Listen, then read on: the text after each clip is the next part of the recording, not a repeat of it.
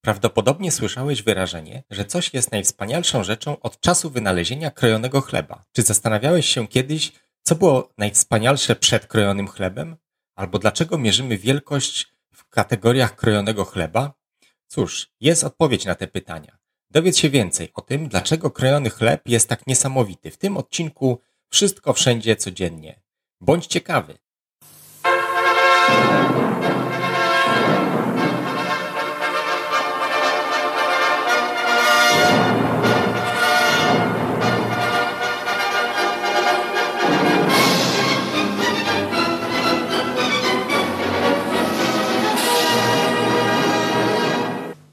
Ludzie pieką chleb od ponad 14 tysięcy lat.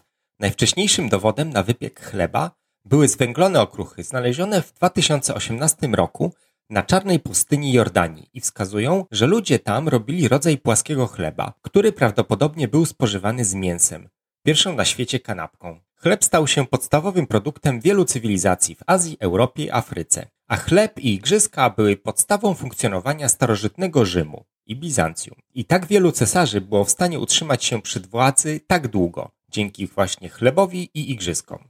Chleb został też nazwany pokarmem duszy i odgrywa centralną rolę w wielu obrzędach kościołów chrześcijańskich. Kiedy jemy z kimś obiad, mówimy, że łamiemy z nim chleb. Wystarczy powiedzieć, że chleb był naprawdę ważny dla ludzkiej cywilizacji. Przez tysiące lat ludzie ręcznie robili bochenki chleba.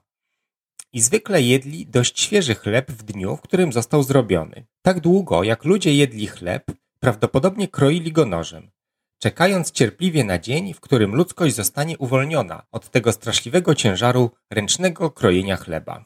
Stworzenie uprzemysłowionego sposobu krojenia chleba i sprzedawania go jest znacznie trudniejsze niż mogłoby się wydawać. Krojenie chleba nie jest jak cięcie drewna. Po prostu zastosowanie ostrych noży do chleba zwykle go zgniata, ponieważ chleb jest tak miękki. Dodatkowo krojenie gorącego i ciepłego chleba powoduje, że kromki się przyklejają do noży. Po pokrojeniu chleba musisz utrzymać cały bochenek razem. W przeciwnym razie po prostu masz kilka różnych porozrzucanych kromek chleba, które mogą łatwo zablokować maszynę do cięcia chleba i wyglądają nieestetycznie. Premiera wstępnie pokrojonego chleba nastąpiła w lipcu 1928 roku w małym miasteczku Chillicothe w stanie Missouri Stanach Zjednoczonych. Ameryki Północnej. Po kilku nieudanych próbach i utracie oryginalnych planów i prototypów w pożarze, wynalazca o imieniu Otto Friedrich Roweter stworzył urządzenie, które z łatwością pokroiło bochenek chleba na kromki o równej grubości. Początkowo był wykształcony jako jubiler, Roweter przez lata prowadził szeroko zakrojone badania rynku i był pewny, że pokrojony chleb będzie hitem i uczyni go, Rowetera, bogatym. Wynalazek początkowo cieszył się dużym lokalnym zainteresowaniem. Po premierze krojony chleb był tematem na pierwszej stronie lokalnej Constitutional Tribune. Gazeta donosiła, że tak schludne i precyzyjne są kromki, tak zdecydowanie lepsze niż ktokolwiek mógłby pokroić ręcznie nożem do chleba, że natychmiast ludzkość zdaje sobie sprawę, że ten ogromny, wyrafinowany wynalazek otrzyma serdeczne, ciepłe i długotrwałe powitanie. Wbrew temu, co pisała Gazeta sukces nie nastąpił od razu. Krojony chleb nie był uważany za najwspanialszą rzecz. Jednym z problemów, jakie miał, było to, że szybciej się starzał.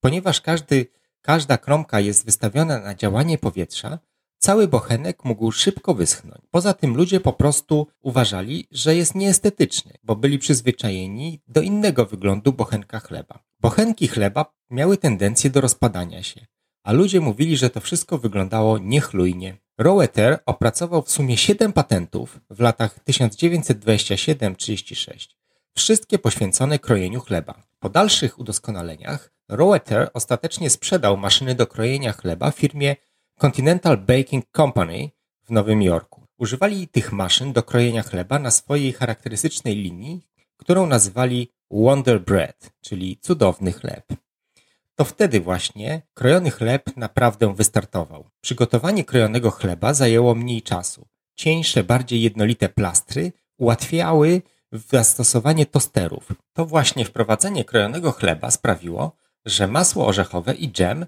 stały się tak popularne w Stanach Zjednoczonych, a później w Europie. Ponieważ pozwoliło to dzieciom łatwo zrobić własne kanapki bez konieczności używania ostrych noży. Do 1933 roku, zaledwie 5 lat po wprowadzeniu w Chillicothe stanie Missouri tego wynalazku, 80% całego pieczywa sprzedawanego w Stanach Zjednoczonych było pokrojone. W Wielkiej Brytanii pierwsze krajalnice do chleba zostały po raz pierwszy zainstalowane w 1937 roku w piekarni Wonderleaf w Tottenham w Anglii, a krojony chleb stanowił 80% sprzedaży do 1950 roku, właśnie w Wielkiej Brytanii. W historii krojonego chleba było jedno niepowodzenie, które miało miejsce w 1943 roku podczas II wojny światowej. Sekretarz rolnictwa USA Claude Wickard wprowadził ogólnokrojowy zakaz sprzedaży krojonego chleba. Celem tego zakazu było uratowanie metalu i papieru woskowego, który był używany do produkcji krojonego chleba. Chciano wykorzystać te materiały na wysiłek wojenny. W wyniku wprowadzenia tego zakazu pojawił się ogólnokrajowy sprzeciw wobec zakazu sprzedaży krojonego chleba. I ten zakaz został wycofany w ciągu zaledwie trzech miesięcy od jego wprowadzenia. Ta krótka historia krojonego chleba jest tak fascynująca, ale tak naprawdę nie odpowiada na pytanie, dlaczego w niektórych krajach anglojęzycznych używa się wyrażenia najwspanialsza rzecz od czasu krojonego chleba. W latach 30. i 40. było kilka firm, które reklamowały ulepszenia swojego chleba, mówiąc, że to jest największy postęp w pieczeniu od czasu krojonego chleba. Ulepszenia te przybierały często formę opakowania, wzbogacania witaminami i zmiany wielkości plastrów. Bardziej ogólne użycie tego terminu zaczęło pojawiać się w 1950 roku.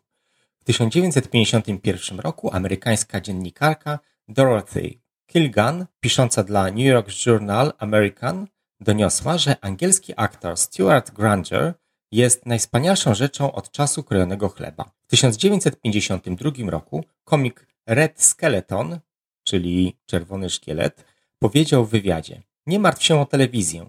To najwspanialsza rzecz od czasu krojonego chleba. Wygląda więc na to, że porównywanie rzeczy do krojonego chleba było po prostu czymś, co stało się w latach 50. I tu pojawia się nam ostatnie pytanie.